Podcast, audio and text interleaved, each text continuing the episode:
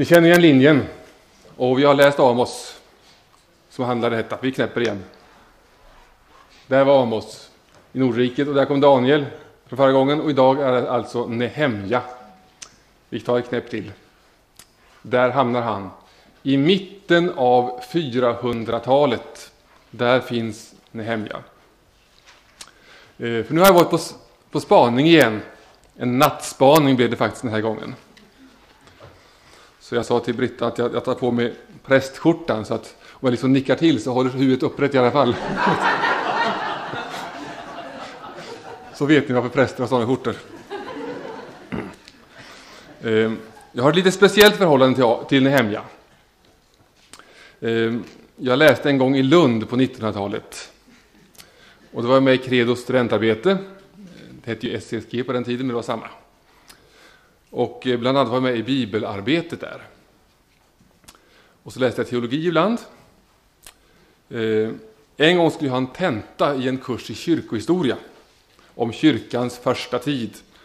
Och jag läste speciellt om hur de första kristna läste i Gamla Testamentet. Och då skulle jag ha en muntlig tenta. Läst på ganska skapligt sådär. Så jag kom till docentens tjänsterum och han mötte mig i dörren och sa jag ska gå ett ärende. Du kan följa med så pratar vi under tiden. Så förhöret började och vi gick till sjukhuset. För där jobbade hans fru nämligen. Det var hon som var ärendet. Och vi kom in i stora entrén och han fortsatte fråga. Och vi gick in i korridoren och han fortsatte fråga. Vi klev in i hissen och han frågade vidare bland andra folk som stod där. Eh, upp i nästa korridor och frågade vidare tills vi kom fram till avdelningen där frugan jobbade. Där var det stopp. Så sa han, nu kan du vänta här. Så kan du fundera på en fråga under tiden när jag går in. Så sa, skulle du kunna tänka dig att predika över Gamla Testamentet? Ta en hemliga bok till exempel. Och så gick han in. Ehm.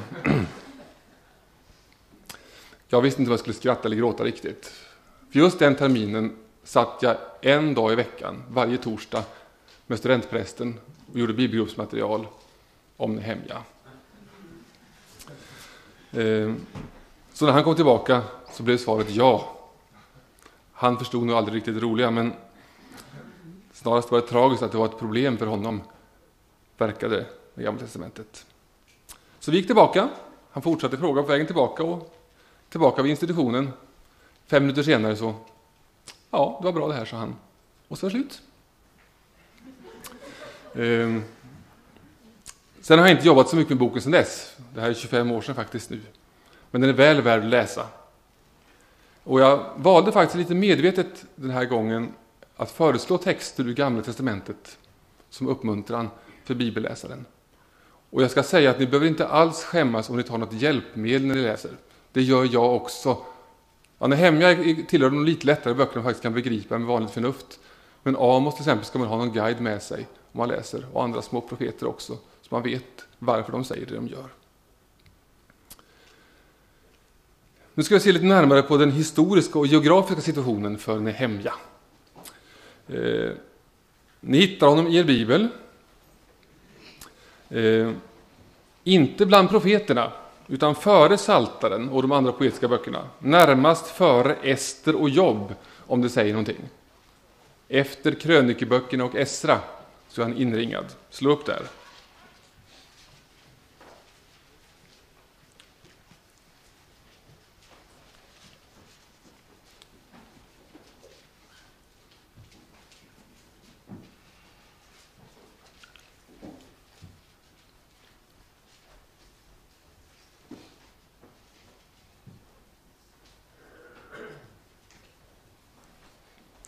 Prasslet har lagt sig och jag läser. Från Nehemjas första kapitel och den första versen. Nehemjas, Hakaljas sons berättelse. I månaden Kislev, under det tjugonde året, befann jag mig i borgen i Susa.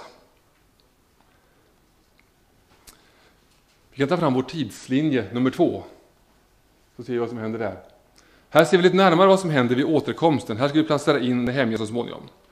År 539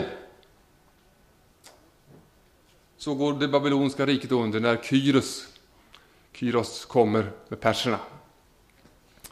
Och något år senare så får Zerubabel och ungefär 50 000 av de judiska flyktingarna eh, återvända. Det här kan man läsa om i Esras bok, boken för här.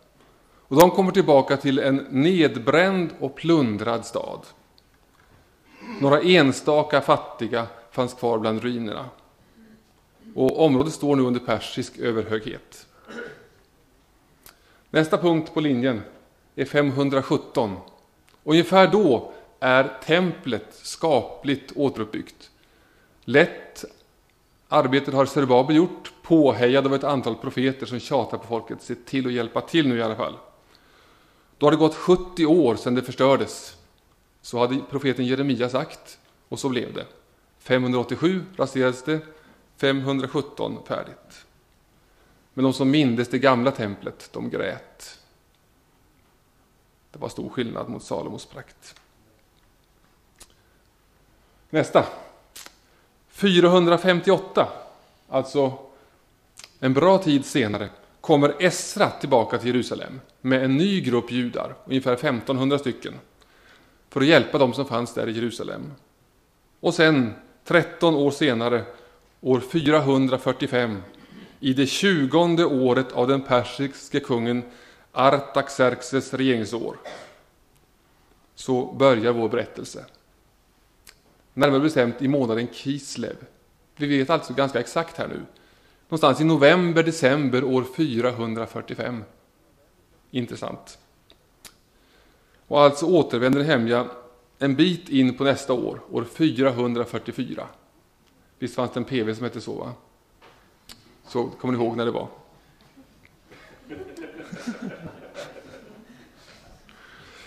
ehm. Och den här boken spänner över en tidsperiod på bortåt 15 år, så att ungefär 430 så lämnar vi eh, händelserna och eh, man får läsa på annat håll vad som händer. Geografiskt så börjar, platsen på, eh, börjar berättelsen på en plats som heter Susa. 25 mil norr om utloppet av Eufrat Tigris, alltså upp i nuvarande Iran, eh, ligger Susa som var det persiska rikets huvudstad och där kejsaren, eller kungen, bodde under vintertid, då var det skönast där. Sommartid flyttade han längre norrut. Här i Susa utspelar sig för övrigt även Esters bok. Lite tidigare, 30 år före Nehemjas tid ungefär. Men det är samma tidsperiod och samma plats. Och här i Susa så arbetar Nehemja som munskänk, alltså har ansvar för att provsmaka och servera kungens vin. Har ni också en sån anställd där hemma? Vad som nu händer i inledningen är att Nehemja får besök och några judar som kommer från Jerusalem och berättar. Och det är inga goda nyheter. Vi läser vers 2. Dit kom då Hanani, en av mina bröder, tillsammans med några män från Juda. Jag frågar dem hur det hade gått för den skara judar som var kvar där och undsluppit fångenskapen och hur det var med Jerusalem.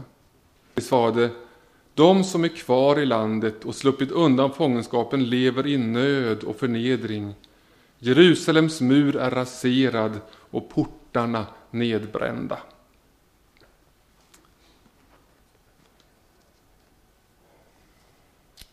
Och då är alltså Nehemja långt därifrån. Han är i tjänst hos den persiska kungen. Han får höra hur eländigt hans landsmän har det i Jerusalem. Och där, där kommer avstampen till det som vi sen ska läsa om i Nehemjas bok. Ett land i ruiner, men nu ska det bli förändring. Det ska bli ett land under återuppbyggnad. Och där ska Nehemja vara med. Och när det handlar om återuppbyggnad av Israel så får vi på något sätt ha ett dubbelt perspektiv med oss i tankarna. Israel är ett land, en nation som behöver återställas på fler sätt. Fysiskt. Byggnader behöver byggas upp. Murar resas igen. Funktionellt behöver landet upprättas. Vi skulle kalla det för infrastruktur och jordbruk och handel och samhällsfunktioner. Allt sånt var ett kaos. Det måste fixas. Och moraliskt. Lagstiftning, rättsskipning, rättsmedvetande, familjelivets ordningar. Allt sånt var också i spillror. Det måste också upprättas i nationen, det judiska folket, när Nehemja återvänder. Men Israel är också Guds folk. Och det betyder att det här kan inte bara kännas som förebild när vi ska bygga upp Sverige, utan också som en förebild när vi ska bygga upp vår kyrka. Ett kyrkoliv som ibland kan ha drag av ruin. Där kan vi hämta hjälp hos Nehemja för att veta hur processen ska drivas. Hur går det till att återuppbygga ett land och återuppbygga ett Guds folk? Det ska vi läsa hos Nehemja. Och då läser vi igen från den fjärde versen.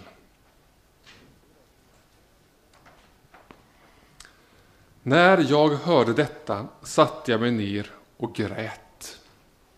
Jag sörjde i flera dagar, fastade och bad till himlens Gud. Jag sa, O Herre, himlens Gud, du store och fruktansvärde Gud, du som troget står fast vid ditt förbund med dem som älskar dig och håller dina bud. Öppna dina ögon och öron och hör din tjänares bön. Dag och natt ber jag nu till dig för dina tjänare israeliterna.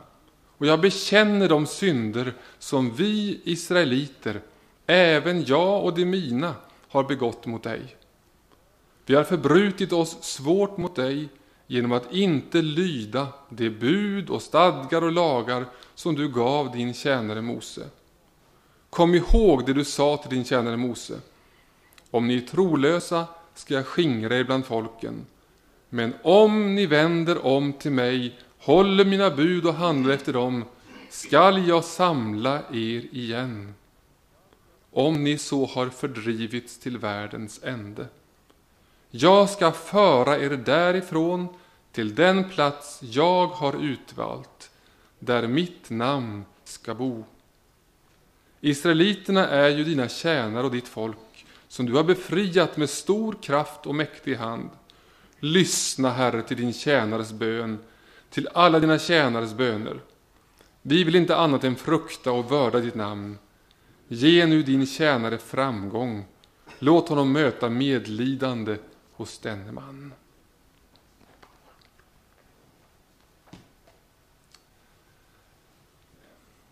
Nu kommer det pusselbitar här igen. Och den första pusselbiten är att återuppbyggnad börjar i bön. Och bön, hur börjar den? Jo, bön börjar i nöd. Titta på skärmen lite ögonblick på nästa bild. Jag har haft lite roligt här i natt, tror ni?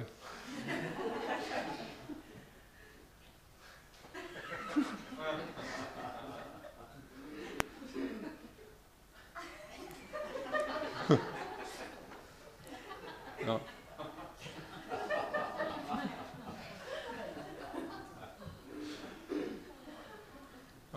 Jag hade inte tänkt på det här förut, den här likheten, men när jag satt med ordet, ordet nöd, ordet bön framför mig så såg jag att det är spegelvändningar av varandra. Det är inte, kvällens, det är inte förmiddagens största poäng i bibelstudiet. Men det kan vara en påminnelse om var verklig bön börjar. När Nehemja får höra om läget i Jerusalem så börjar han gråta. Över murarna som är stenhögar istället. Över portarna som i bästa fall är förbrända rester. Över människorna som lever i förnedring. Nöd och förnedring, står det. Misär. Och också en smärta över att Guds namn och Guds folk på det här sättet blir smädat bland grannfolken. Ni som säger att er Gud är med er, se hur det ser ut. När Nehemja hör det här börjar han gråta. Tårarna strömmar. Han sörjer i flera dagar, står det. Fastar och ber. Ber till himlens Gud. Att Nehemja fastar tror jag kan ha en dubbel betydelse. Dels så slipper han från lite grann av de vanliga rutinerna, får extra tid att koncentrera sig på bön de här dagarna. Och dels så kan fastan tjäna som ett sätt att identifiera sig med dem som lider. Att frivilligt avstå från sin bekvämlighet och trygghet. Prova på vad det innebär att gå med tom mage. Alltså ett steg att verkligen gå in i den nöd som man också ska bära fram i sin bön. Nöd föder bön. Och det är det första steget i Nehemjas bön. Och ett steg som jag tror också vi behöver ta. Vi kan föra över det här direkt till oss och fråga hur mycket bryr vi oss egentligen? Hur mycket av nöden i vårt land och vår kyrka tar vi in? Vi hörde Amos säga till sina samtida Josefs undergång bekymrar er inte. Har vi fullt upp med våra egna angelägenheter och bekymmer? Eller orkar vi bära i våra hjärtan smärtan av ett land och en kyrka som ser ut att mer och mer vända Gud ryggen? Att sucka och klaga, det är en sak. Att ta nöden på allvar är någonting annat. Att känna in vad som finns i Guds hjärta när han ser vårt folk, ser Guds folk i vårt land. När Gud ser smärtan och förnedringen som kvin av kvinnor som kränks och misshandlas, då hugger det till i Guds hjärta. Kan vi ta in det? Kan vi ta in flyktingarnas ångest, när de väntar dag efter dag, vecka efter vecka, kanske år efter år, med risk att bli tillbakaskickade dit de absolut inte vill. Kan vi känna in tomheten som många svenskar känner mitt i sitt överflöd? Man har allt, men ändå ingenting. Kan vi ta in smärtan av att många av våra kyrkor andligt sett är en öken, det som skulle vara en källa? Kan vi ta in smärtan vad det betyder för Gud när det osar svordomar på skolgårdarna och i tv-sofforna. När himlens Gud negligeras totalt eller till och med öppet hånas. Vad det betyder att naturen överutnyttjas, skövlas, förgiftas. Smärtan som finns med allt elände som alkohol och andra droger ställer till med. Listan kan bli hur lång som helst. Och det är först när nöden på allvar får gripa tag i oss som vi också kommer börja be på allvar.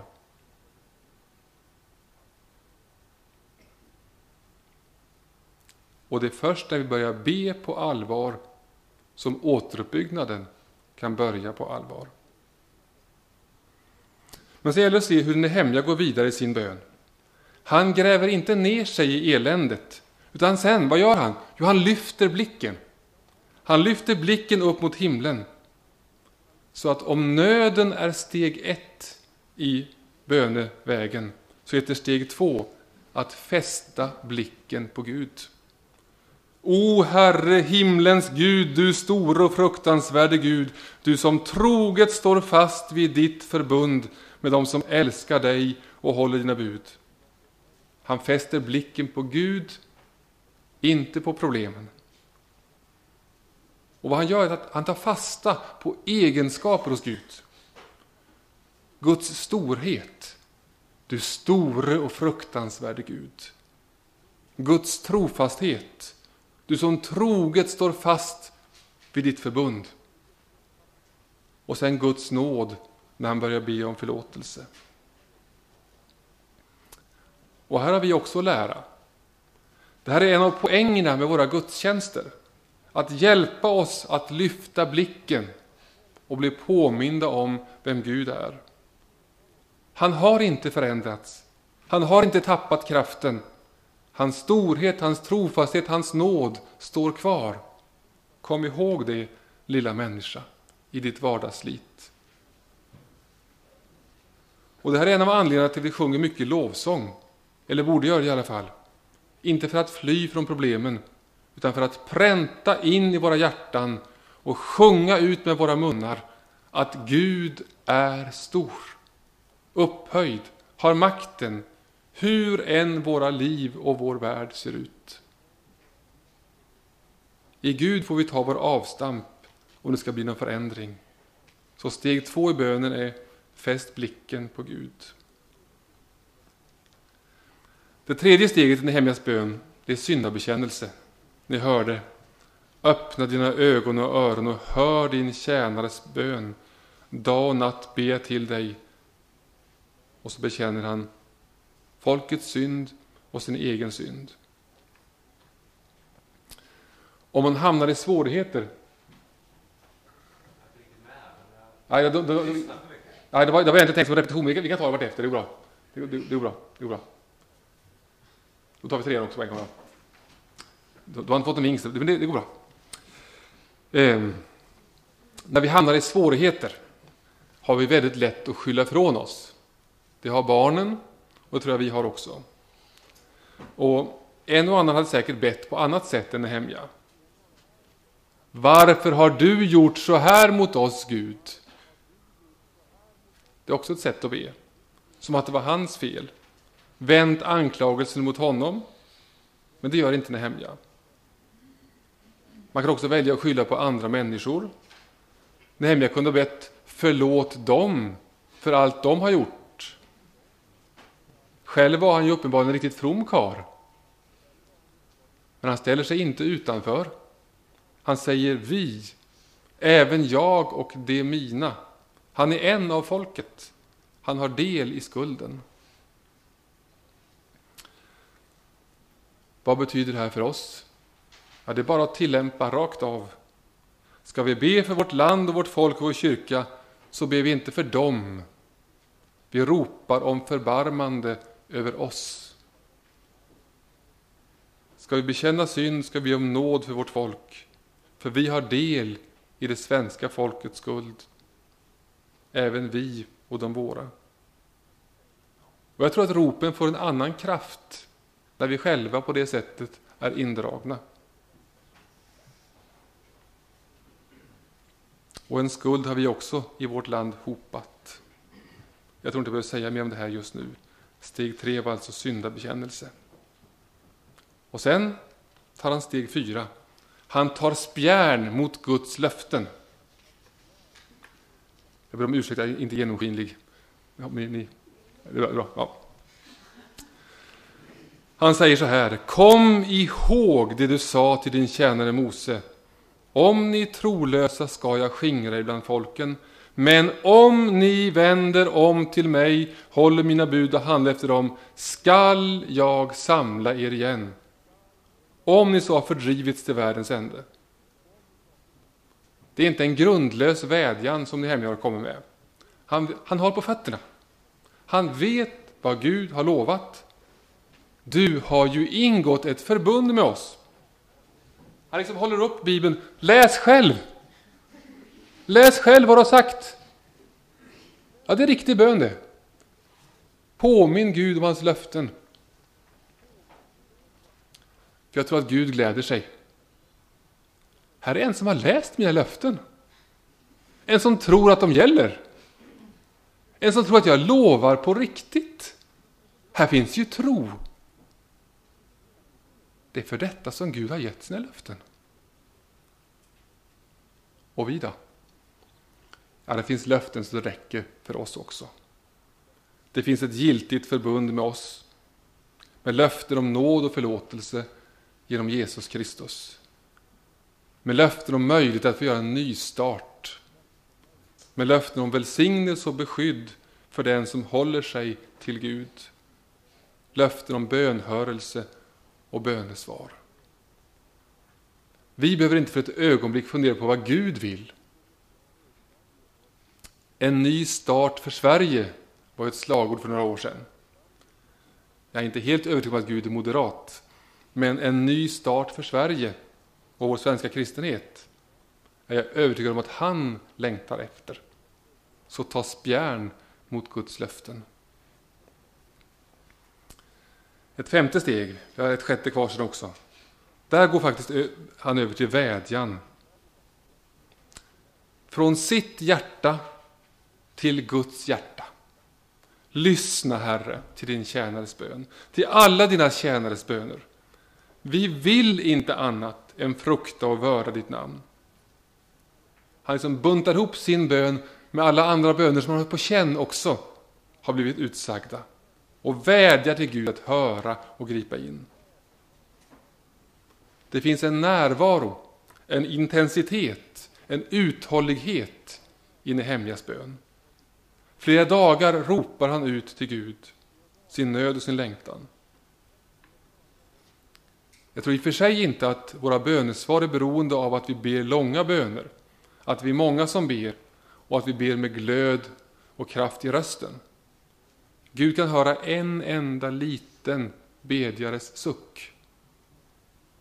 Men jag tror också, lika fast, att vår ihärdighet och intensitet i bönen ibland kan vara en avspegling av hur djup vår nöd är och hur verklig vår tro är på att Gud ska gripa in. Jag tror att vi har en del att lära oss när det gäller bön. Och så det sjätte steget, det sista. Som också är värt att notera. I sin bön så ställer sig Nehemja själv till Guds förfogande.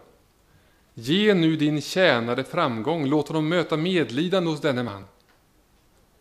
Han väntar sig alltså inte att sitta på läktaren och se, jaha, vad ska Gud göra nu då? Utan han säger, här är jag, kan du använda mig, så står jag till ditt förfogande.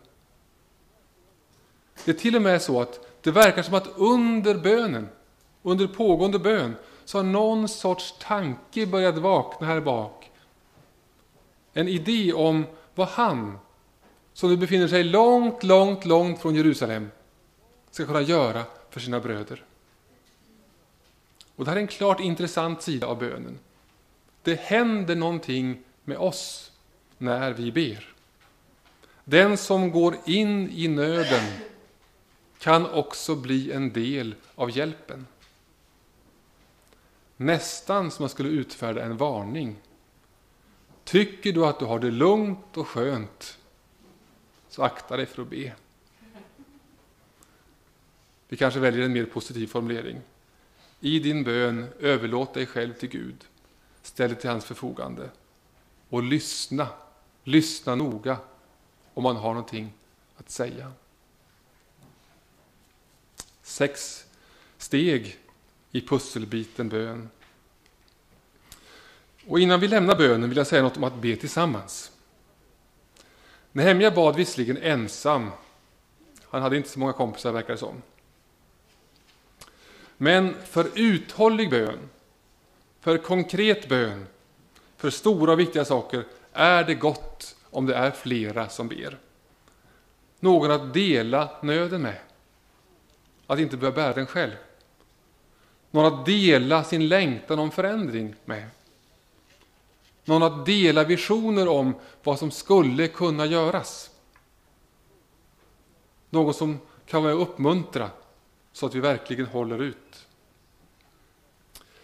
Ikväll blir ett sådant tillfälle när vi ska be tillsammans med varandra. Vi har då förböns och lovsångsgudstjänst. Ehm, där blir tillfälle till personlig förbön för någon som har någonting som vi har hjälpt med. Men vi ska också gå in i gemensam förbön för vårt land och vår kyrka. Och nu ska jag utmana lite grann. Jag tänkte att vi ska beta av område för område när det gäller olika sektioner i samhällslivet. Och så några bönepunkter kring kyrkan. Jag har gjort ett särskilt papper för det här som en del av er får. Ehm, för jag vill inbjuda några av er att vara med och leda den här förbönen. Jag skulle gärna vilja ha tio stycken. Någon som kan tänka sig att vara med och be för regering, riksdag, myndigheter och andra beslutsfattare. Någon som kan be för företag och näringsliv. Någon som ber för lantbruk och skogsbruk. Någon som ber för skolor, universitet och forskning. Någon som ber för vård och omsorg. Någon som ber för polis och rättsväsende. Någon som ber för invandrare och flyktingar. någon som ber för uttröttade och sjukskrivna, någon som ber för kyrkliga samfund, kyrkor, samfund, andliga ledare och någon som ber för Kredos arbete. Tio punkter. Du som känner att du skulle kunna vara med på det här, du kanske har något av det här som ligger på ditt hjärta. Eh, välj ett område. Jag vill, alltså en för varje av de här områdena jag läst upp. Var inte för blygsam och tro att någon annan gör det bättre. Du kan, det tror jag. Och så ska vi sedan tillsammans ropa ut vår bön till Gud. Du som är intresserad kan komma fram i pausen alldeles strax och ta ett papper och berätta för mig vilken du tar, så kan jag kryssa för och veta att det är upptaget. Eh, och sen tänk igenom. Kanske skriv, du kan skriva bön helt och hållet eller du kan skriva punkter så att du vet att du får med det som du vill ha med. Inte för långt, hellre kort och kärnfullt. Och så ses vi ikväll tio minuter före gudstjänsten i sakristian här. Så ska jag ha en kort instruktion om när och var i gudstjänsten det kommer. Har ni förstått? En utmaning. Vi tar vår paus där också. Jaha, är ni på väg in? Då kan jag säga så här att er blygsamhet är klädsam, men jag behöver fortfarande fem personer till. Vi tar det efteråt sen.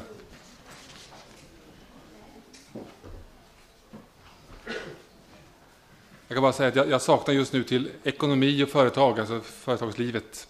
Vård och omsorg, polis och rättsväsende, Kyrkosamfund, andliga ledare och credo.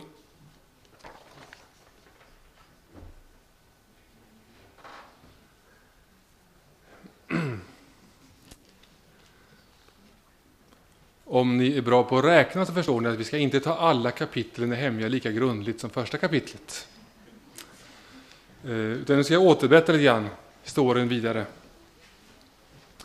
Eh, fyra, fem månader senare, efter det här bönetillfället, så ska Nehemja servera vin för kungen. Och det kommer en, en, en öppning för honom att få säga några ord till kungen. Det är det han har bett om när han sa på slutet Ge nu din tjänare framgång, låt honom möta, möta led, medlidande hos denne man. Nehemja ber en snabbön, står det, och lägger fram ett önskemål inför kungen. Låt mig få åka till Jerusalem. Och låt mig få med mig ett brev där det står att jag har befogenhet och resurser att bygga upp stadens murar och portar igen. Och Nehemja får det han har bett om. Det är liksom någon som har hört hans bön.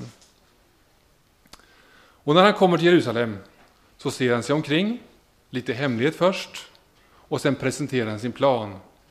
Kapitel 2, vers 17 säger han, nej det är inte han som säger, utan han har presenterat planen, så säger de andra.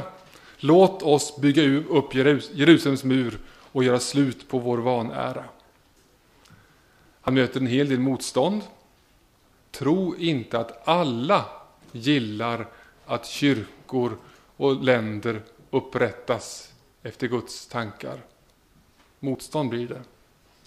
Men Nehemja organiserar och engagerar och snart står bygget, är bygget i full gång och efter 52 dagar så står muren där den ska stå.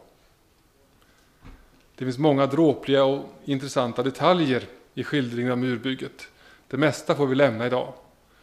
Några korta avsnitt kommer tillbaka om en stund när vi ska se hur Nehemja fungerar som ledare. Men innan vi kommer dit ska vi se på en annan aspekt av byggandet. För det var ju inte bara murarna som behövde byggas upp, utan hela folket behövde en grundlig översyn, en renovering från botten. Och det redskap som Nehemja då använder är vår andra pusselbit idag. Och det är bibelordet. För Nehemja, han kunde sin bibel.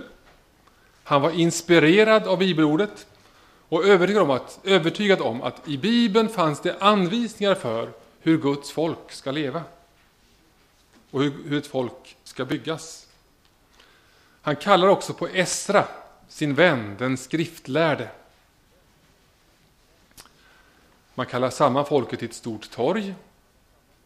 Man bygger en hög ställning, världshistoriens första predikstol. Alla skulle kunna höra. De tar fram de gamla rullarna, den gamla lagboken, Mose lag, grunden för Israels folk, anvisningar om hur Gud vill att de ska leva. Och så läser Esra. Han tolkar, utlägger, förklarar texten. Och reaktionen blir stark. Budskapet når fram. Folk börjar gråta. Man förstår att man vikit av från Guds vägar, vållat sig själv skada, bedrövat Gud. Men de får en tillrättavisning. Gråten får vänta lite grann. Idag är det en glädjens dag. Den glädje Herren ger är er styrka. Ni kanske bättre känner igen den gamla versionen. Fröjd i Herren är er starkhet. Och det berättas att det händer någonting i deras gemenskap den här dagen. De gick hem för att äta och dricka och delade med sig åt varandra. Det noteras, det verkar som det var en nyhet. Det händer något med hjärtat när Guds ord går in. Några veckor senare samlas de igen och då läser de ur Herren sin Guds lag under en fjärdedel av dagen. Och under nästa fjärdedel bekänner de sina synder och faller ner och tillber. Ja du, då är jag ända framme i nionde kapitlet. Eh, med, med eh, kapitel, kapitel 8 är, är predikan och kapitel 9 så har de här bönedagen.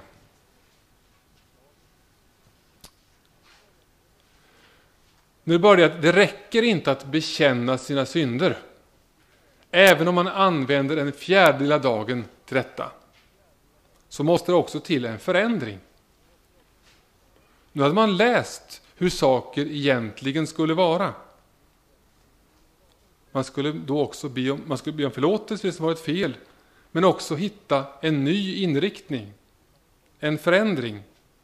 Omvändelse kallas det ju. Inte göra om samma misstag igen. Och ni ska få några exempel på vad de behövde ta tur med. Och de är hämtade från kapitel 10 och kapitel 13. Jag blandar lite grann och delvis så, så återkommer samma saker, så jag säger inte precis vilken vers jag syftar på. Jag tar det lite mer tematiskt här. Man hade problem med blandäktenskap. Den frågan finns både, i både tionde och trettonde kapitlet. Alltså unga män och kvinnor som gifte sig med personer från andra folkslag. Det här är inte fråga om rasism, utan det är Guds speciella anvisning för att hans folk inte skulle blandas upp med de andra och tappa sin identitet. Och dessutom så vill han inte dra in inflytande från främmande religioner. Guds folk skulle veta vem som var deras Gud. Det fanns tydliga anvisningar om det här hos Mose. Och det här var ett problem långt före exilen i Babel. I själva verket en av orsakerna till Guds vrede och straffdom som ledde fram till fångenskapen. I det diket ska vi inte tillbaka igen. Nu måste det till en förändring här. Till oss kanske en varning om det som vi pratade om igår, att ha en medveten om, medvetenhet om var gränser går, vilka värderingar vi tar till oss. Vi ska fortfarande inte isolera oss, men veta var gränser finns. Ett annat område som dyker upp, det handlar om sabbaten om vilodagen som Gud gett. Nehemja säger, ni ska inte köpa och sälja på sabbaten som de främmande handelsmännen gör. Ni ska inte trampa vinpressen när det är sabbat. För Gud har ju lovat att han ska välsigna så det räcker i alla fall. Håll fast vid det. Håller ni fast vid er vilodag så håller Gud fast vid sina löften. Och Nehemja säger en intressant sak här. Han säger så här. Hur kan ni bära er så illa åt och vanhelga sabbaten? Var det inte därför våra fäder, att våra fäder gjorde så, som vår Gud lät alla dessa olyckor komma över oss och staden. Det var alltså ytterligare en hänvisning till varför invasionen och fångenskapen kom.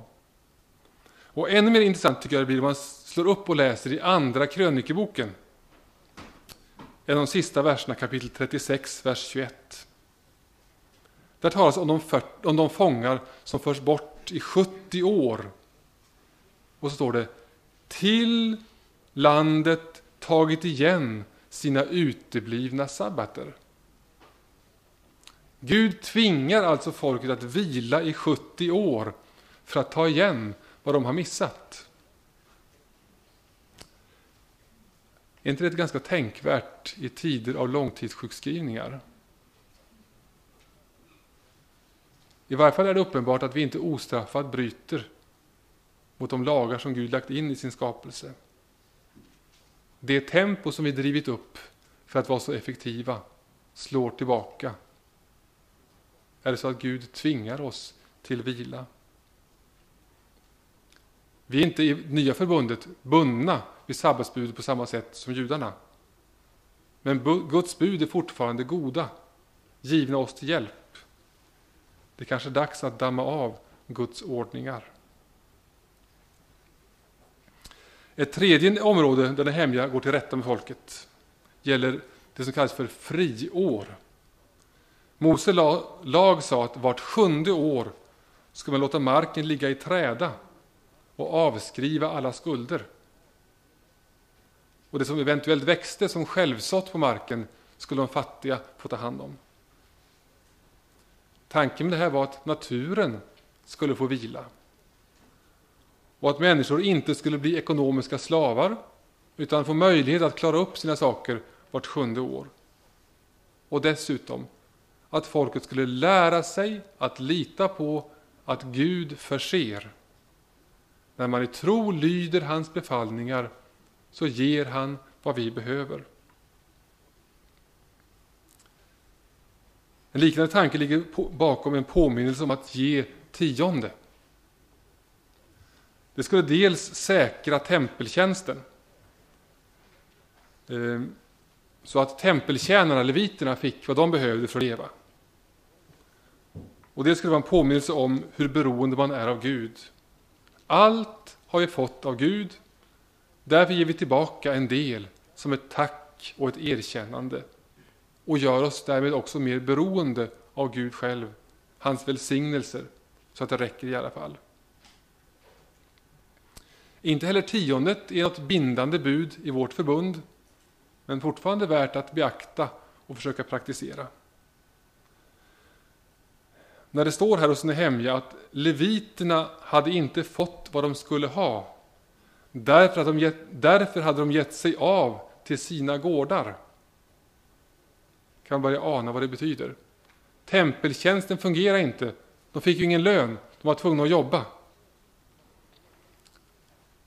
Då kan jag inte låta bli att tänka på allt kristet arbete som får ägna så mycket tid och kraft åt att försöka få ekonomin att gå ihop. Därför att vi inte ger. Man får till och med säga upp folk. Och människor får kanske inte bokstavligen gå tillbaka till fälten, men ändå skickas för att förtjäna sitt uppehälle på annat sätt. Om vi och några till fullgjorde vårt givande på ett annat sätt än vi gör idag skulle till exempel Credo, eller Asrörelsen eller andra kunna få betyda ännu mer. Den bästa kollektvädjan jag någonsin hört, eller rätt sagt läst, gavs av en dansk präst, Hans-Erik Nissen. Eh, det var i en folder för en dansk variant till församlingsfakulteten, alltså en fri utbildningsanstalt för präster. Då var det tre personer på baksidan av den här foldern som skulle tala om varför nu människor skulle ge pengar till det här viktiga ändamålet. Vad de två första skrev, det kommer jag inte riktigt ihåg, bara att det var så ofantligt viktigt att man skulle ge till just det här. Helt avgörande för Danmarks framtid var det. Vad Hans Erik Nissen skrev, det minns jag nästan ordagrant. Jag tar det i svensk översättning. Han sa så här att Gud behöver inte meningsfakulteten. Men så länge han väljer att använda den är det vår skyldighet att se till att det inte fattas pengar. Punkt. Ett skönt förhållande till vad Gud behöver och inte. Och ett befriande sätt att se vad givande är. Gud behöver inte credo, Stefan. Nej. Men så länge han väljer att använda credo så är det vår skyldighet att se till att det finns pengar i kassan. Så de har, de har annat att göra än att vända pengar och slantar på kontoret där.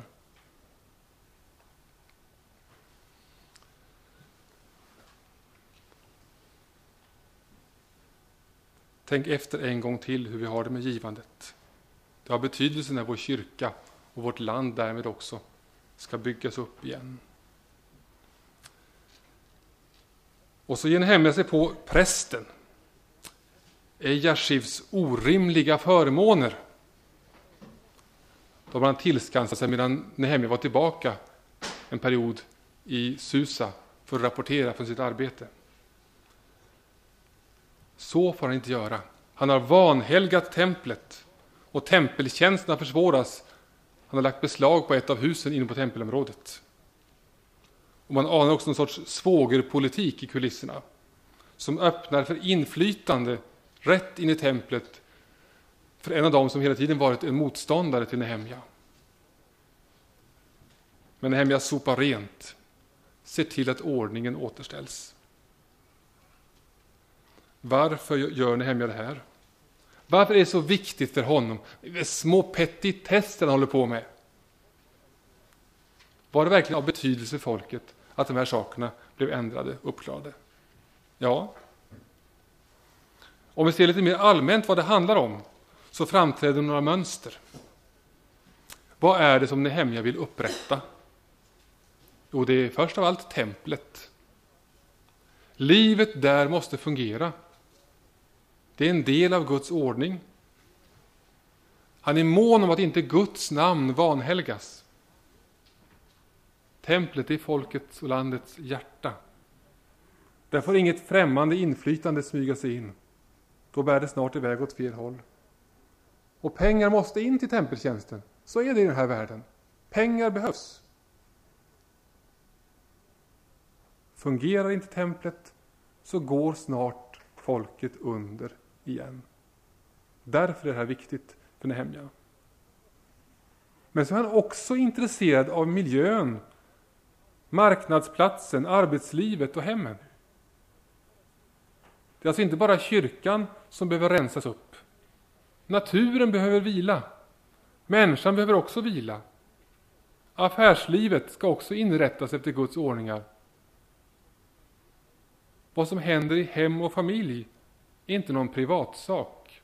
Det angår samhället, för det påverkar hela samhället om det inte sköts riktigt.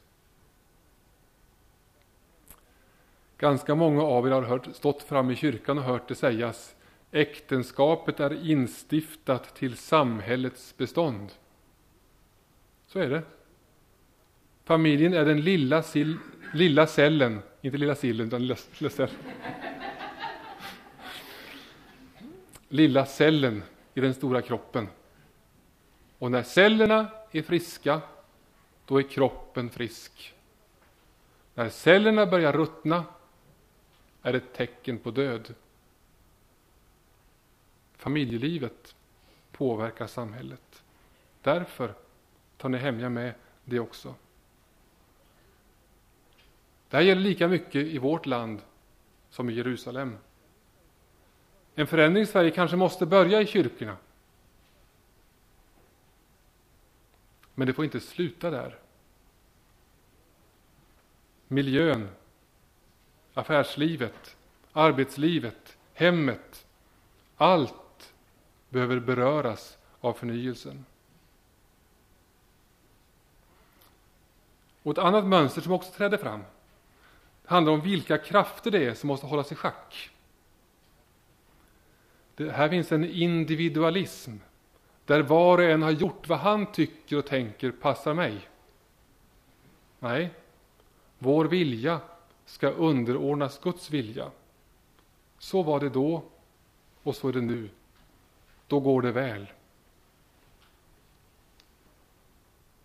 En annan kraft är materialism. Pengar som vill styra vårt handlande. Nej, det är Gud som är Herren. Det vi har är gåvor ur hans hand. Så var det då och så är det nu. Låter det vi vara så, så går det oss väl. Och här finns också en pluralism eller relativism eller vad vi ska kalla det. Alltså där inget är rätt. Allt går lika bra. Nej, säger Nehemja. Det finns en som är Herren. Det går inte lika bra med någon annan Gud, vad ni nu kallar honom. Så var det då och så är det nu. Det finns en Gud. Därför behöver vi också bibelordet. Och därför är den andra pusselbiten för ett återbyggande av kyrkan, landet, folket, bibelordet. Utan bibel, ingen förändring. Den tredje pusselbiten, nu kommer det gå lite snabbare på slutet här, det är att återuppbyggandet behöver ett ledarskap. Det är ingen tillfällighet att Nehemja ibland förekommer också i profan ledarskapslitteratur. Det har i alla fall sagt mig så. Eh, och det här med ledarskap skulle vara värt ett studium för sig. Jag skulle gärna se att någon av er som kan de här bitarna från, från det vanliga livet, från affärslivet, från företagsvärlden, någon gång kunde få ett seminarium eller ett föredrag här och lära oss i kyrkan lite mer om ledarskap. Här ska vi bara titta, upp, titta på några av de sidor i Nehemjas ledarskap som kan vara värdefulla att ha med i den uppbyggnad som vi önskar ska ske. Jag ska ta ett glas vatten bara.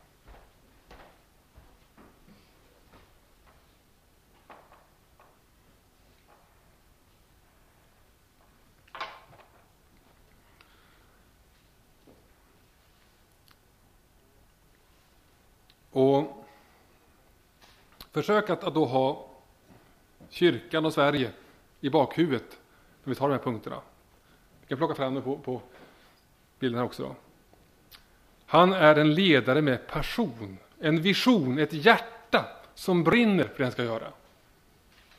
Det är den personen som tänds när nöden kommer. Det är den personen som får honom att, att ge sig i kast med uppgiften. Det är besvärligt, men inte om man har en passion. Och passionen får honom att inte ge upp när motståndet kommer. Nej, vem ska stoppa mig? Vem ska stoppa Guds sak? Det är Gud som har tänt passionen. Passionen hjälper honom att gå hela vägen fram tills det är färdigt. Det är en passion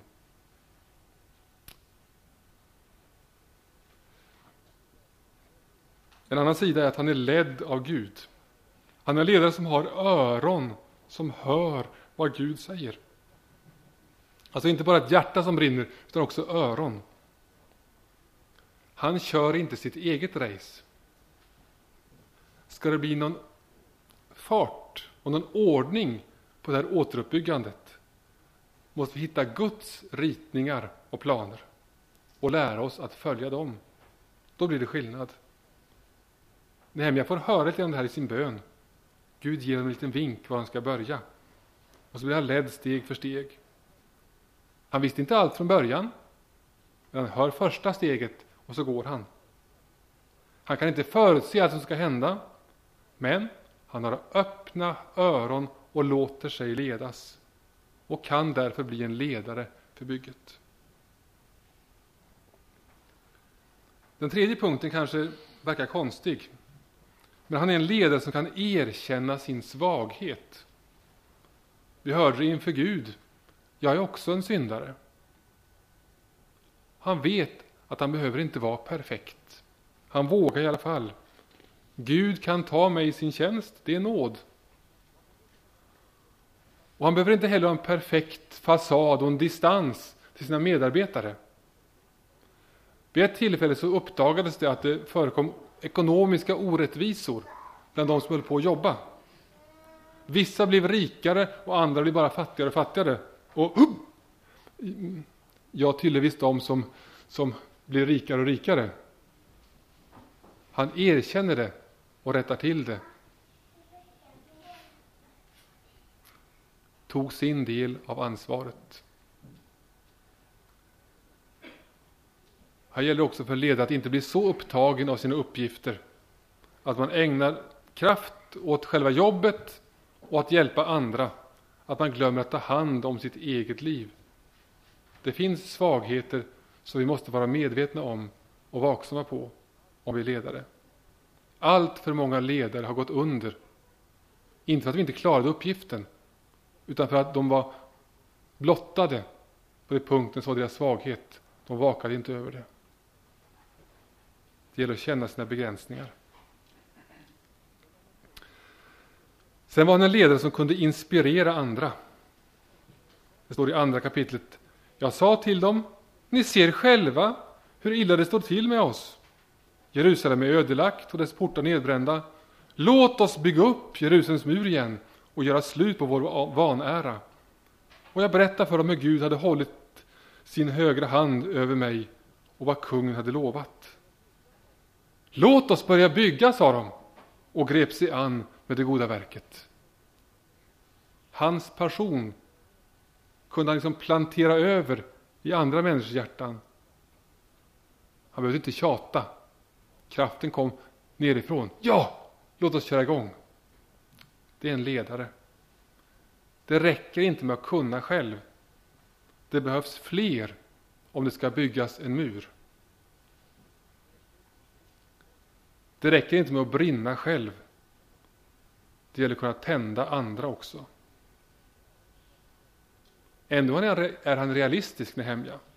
Han tar inte till överord och han låter, också, låter dem också förstå att det här kan bli besvärligt.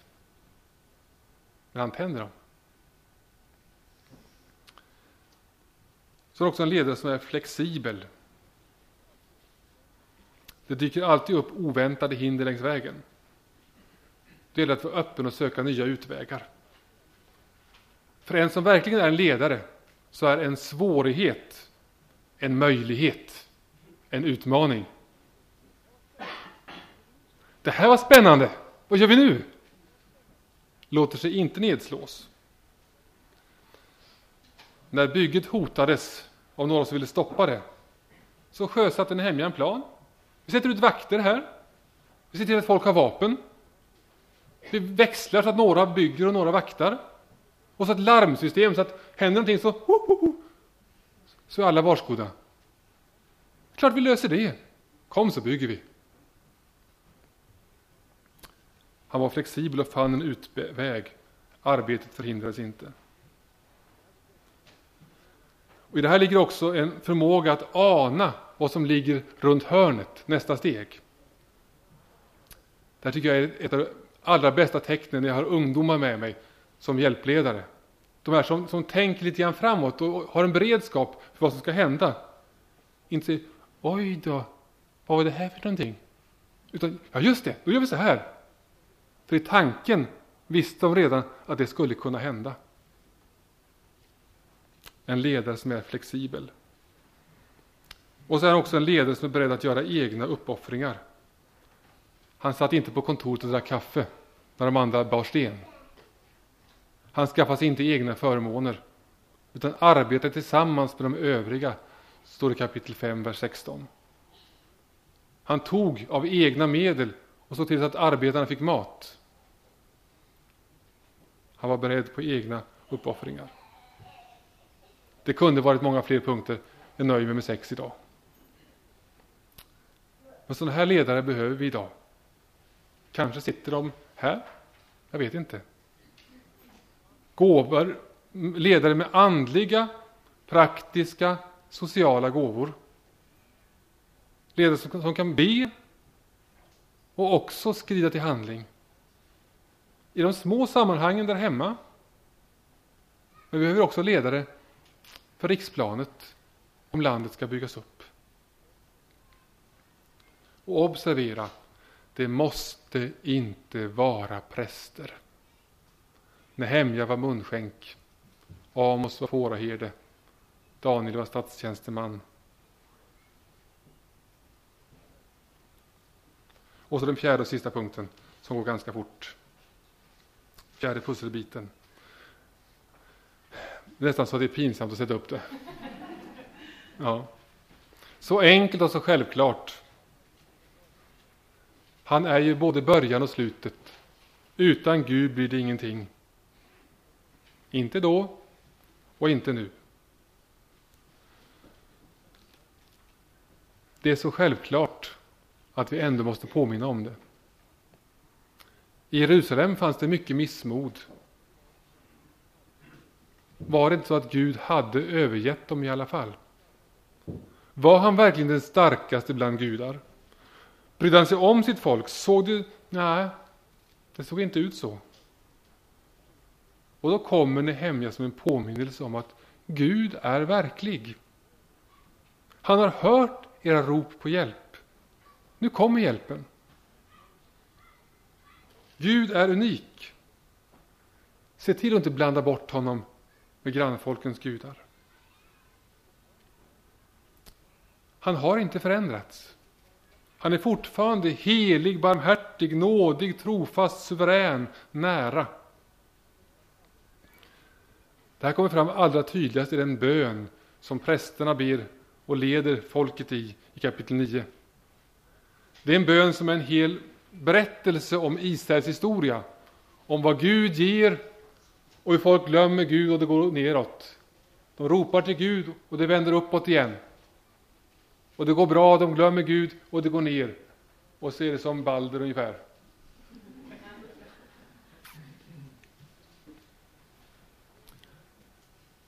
Men genom hela den berättelsen så, och bönen så hamras det in att Gud har gång på gång visat sin godhet mot er. Han har hela tiden varit konsekvent och trofasthet. Sex gånger minst står det att han är barmhärtig. Däremot det som har skett är att folket gång på gång har svikit. Jag såg en gång en skylt där det stod så här att om Gud känns långt borta, vem har flyttat på sig? Är det du eller han? Mm. Och bönen slutar sedan i en övertygelse om att det finns en väg tillbaka till Gud. Därför att han är den som han är. Den Balderbanan där handlar om Guds folk Israel. Men det kan också läsas som en beskrivning över vårt folks trolöshet, trots all godhet som Gud har visat oss. Och en påminnelse till oss om att det finns en väg tillbaka. Det kanske också kan läsas som en beskrivning av ditt liv. Att ditt liv kanske också är lite grann av berg och dalbana. Att det inte riktigt är samma trosglöd som du tyckte du hade för några år sedan. Att du inte tagit vara på all godhet som Gud slösat över dig. Då säger jag bara, det finns en väg tillbaka. Det finns en väg tillbaka. Därför att Gud är den han är. För det finns inte bara ett bygge som ska utföras. Det finns en byggmästare. Han har rivit ner och byggt upp nytt förr. Han står beredd att börja om igen. Med dig, med kyrkan i vårt land, med Sverige. Precis som han gjorde med Israel. För han är densamme. Och det här är en viktig tid då Gud ibland framställs som en kraft bland alla andra. Det handlar mest om att uppleva Gud, om han sen finns, det är inte så intressant. va? Det är inte vår Gud. Vår Gud är en verklig Gud. Han finns på riktigt. Han är den viktigaste pusselbiten. Den avgörande pusselbiten för att det överhuvudtaget ska bli någon återuppbyggnad. Men är det verkligen möjligt? Ja, därför att Gud är den han är. Jag vet inte om no några av er har sett de här filmerna som heter Transformations. Jag kan tänka mig det. Det kom en film som heter Transformation som beskrev fyra olika platser runt om i världen där Gud på ett mäktigt sätt har gripit in och inte bara sänt en väckelse bland kristna utan förändrat klimatet i en hel stad. Och så är det ungefär som med hajen, vet att kommer hajen så kommer hajen 2. Därför kommer också Transformation 2. Och i den andra filmen finns det en berättelse om Uganda. Den är mäktig tycker jag. Ehm, det har varit ett land fyllt av avgudadyrkan, mörker. Den ena våldsregimen efter den andra har avlöst varandra. Idi Amin, en av dem. Ekonomisk misär. Och till detta kom aids-epidemin som härjade nästan först och nästan värst där. Idag har någonting hänt i Uganda. Det mörker och den hopplöshet som vilar över landet finns inte idag. Varför då? Ja, det beskrivs i filmen som att några börjar att be. Och inte bara några. Det var som, som ett bönesurr dag och natt över landet, beskrivs det som. Och Gud har gjort någonting. Det berättas lite exempel. Det föds församlingar varje dag. En församling växte från sju personer till 2000 på två veckor. Det har påverkat regeringen. Det har inrättats ett departement för etik och integritet med syfte att återupprätta moralen i landet. Det är du, Göran Persson. Brinnande kristna på höga poster. Ekonomin har vänt. Och det är det första landet som har vänt aidskurvan, antalet aidssjuka. Och det finns hundratals dokumenterade fall på människor som i ett långt framskridet stadium har blivit friska från aids. Och så visas det bilder från millennieskiftet. Det firas ju runt om i världen. Och jag börjar nästan gråta när jag ser det. En stor fotbollsstadion packad med folk. De dansar och spelar musik. Och fram träder presidentens hustru. Rikets främsta dam. Och håller ett tal. Väl förberett och förankrat hos de övriga. Ett tal där Uganda ingår ett tusenårigt förbund med Gud. Hon säger bland annat Vi avsäger oss satanism och avgudadyrkan. Vi överlåter vår nation i Guds händer. Och jag, jag, jag, jag bara drömde om att få se drottning Silvia på Råsunda säga samma sak.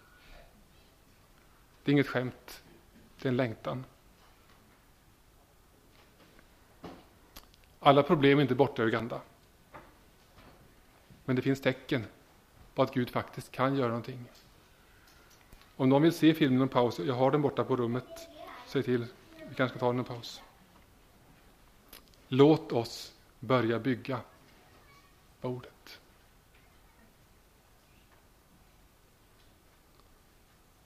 Klockan har passerat elva. Vi ska be en kort bön och sen går vi till våra grupper, går ut fika och till grupper. Och som sagt, det finns några böneuppgifter kvar för den som vill. Vi ber.